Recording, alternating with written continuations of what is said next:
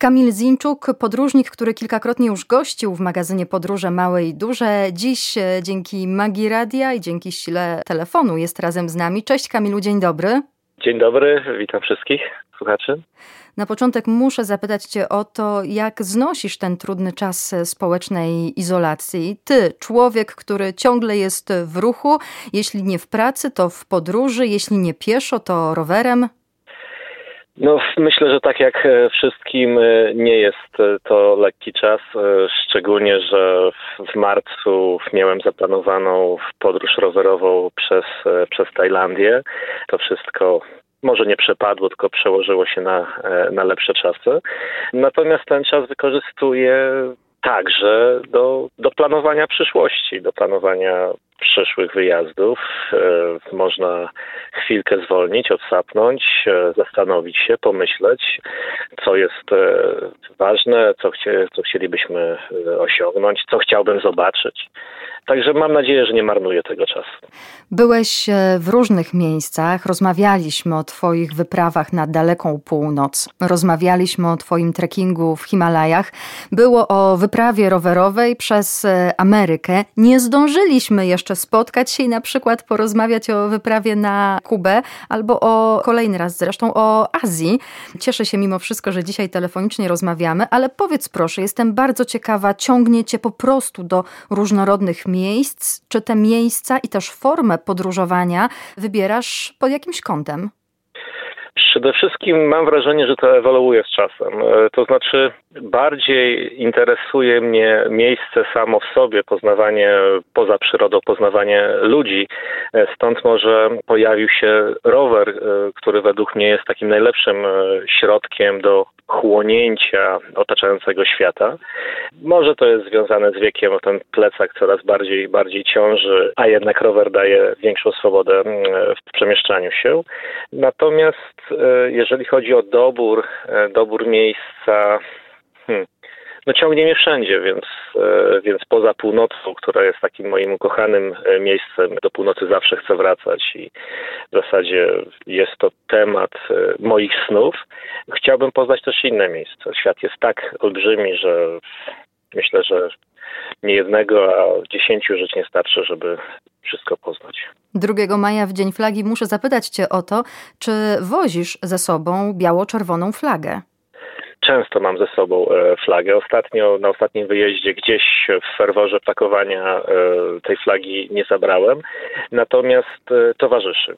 Ja patriotyzm rozumiem przez e, dbanie o otoczenie, to, to, najbliższe otoczenie, ale także e, poprzez e, budowanie takich pozytywnej narracji, pozytywnego oddziaływania.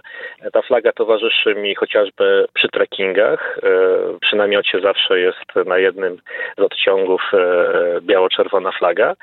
Daje mi to pewną dozę satysfakcji.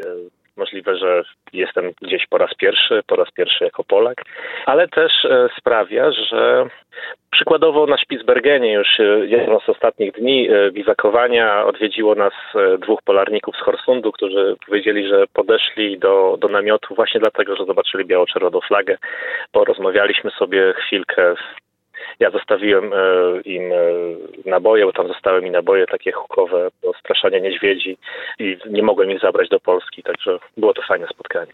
Dla jednych taka biało-czerwona flaga może być znakiem rozpoznawczym, ważną informacją, a dla innych może nieść nowe przesłanie, to znaczy może sprawić, że ktoś zapyta, a skąd jesteś, a gdzie to jest? Zdarza się tak?